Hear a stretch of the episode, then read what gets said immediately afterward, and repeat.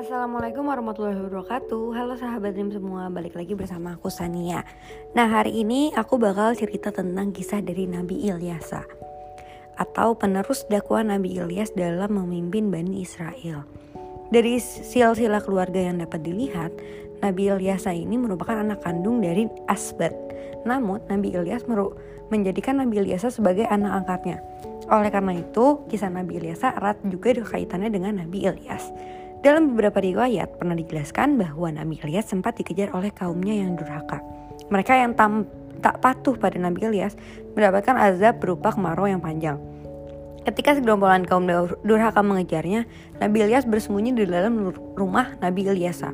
Saat itulah pertemuan Nabi Ilyas dan Nabi Ilyasa uh, akhirnya terjadi. Namun saat itu ternyata Nabi Ilyas sedang menderita penyakit keras. Melihat kondisi tersebut, akhirnya Nabi Ilyas memohon pertolongan kepada Allah untuk menyembuhkan Nabi Ilyas. Setelah kejadian itu, hubungan Nabi Ilyas dan juga Nabi Ilyas semakin erat. Bahkan Nabi Ilyas mengikuti Nabi Ilyas ketika uh, sedang uh, memberikan dakwah kepada kaum Bani Israel. Nah, setelah itu uh, Nabi Ilyas akhirnya wafat.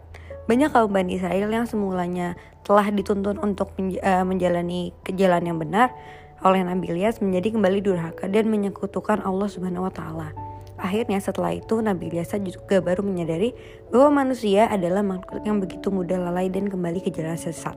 Sepeninggalan Nabi Ilyas tak gentar untuk uh, tak gentar dengan rintangan Nabi Ilyas uh, selalu berusaha untuk mengembalikan kaumnya ke jalan yang benar. Nabi Ilyas terus menyerukan menyembah Allah kepada kaumnya, karena kaumnya ini biasanya itu menyembah berhala. Nabi Ilyas juga selalu mengingatkan kaumnya tentang adanya hari akhir dan juga surga dan neraka. Tak hanya itu, Nabi Ilyas juga menjadi raja dan pemimpin yang arif bijaksana. Selama masa pemerintahannya, Nabi Ilyas menciptakan tataran masyarakat yang makmur, sejahtera, dan menurut beberapa riwayat ada banyak dugaan bahwa Nabi Ilyas adalah raja yang menyerahkan kerajaannya kepada Nabi Zulfikri.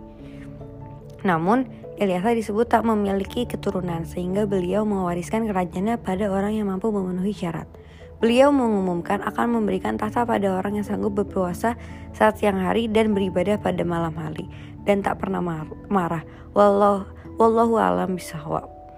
Nah, itu adalah tadi uh, kisah dari Nabi Ilyas yang akhirnya meneruskan dakwah yang sudah dilakukan oleh Nabi Ilyas sebelumnya. Oke, sahabat Dream, gimana nih dari kisah Nabi Ilyas ini apa aja yang bisa kamu ambil? Segitu dulu cerita dari Nabi Ilyas untuk tahu kisah-kisah Nabi selanjutnya kalian bisa dengerin langsung di Dreamcast. Dan juga kalau misalnya kalian lebih mau tahu lagi lebih detail bisa langsung cek di uh, websitenya Dreamco ID. Aku Senia pamit undur diri. Wassalamualaikum warahmatullahi wabarakatuh. Sampai bertemu di Dreamcast selanjutnya.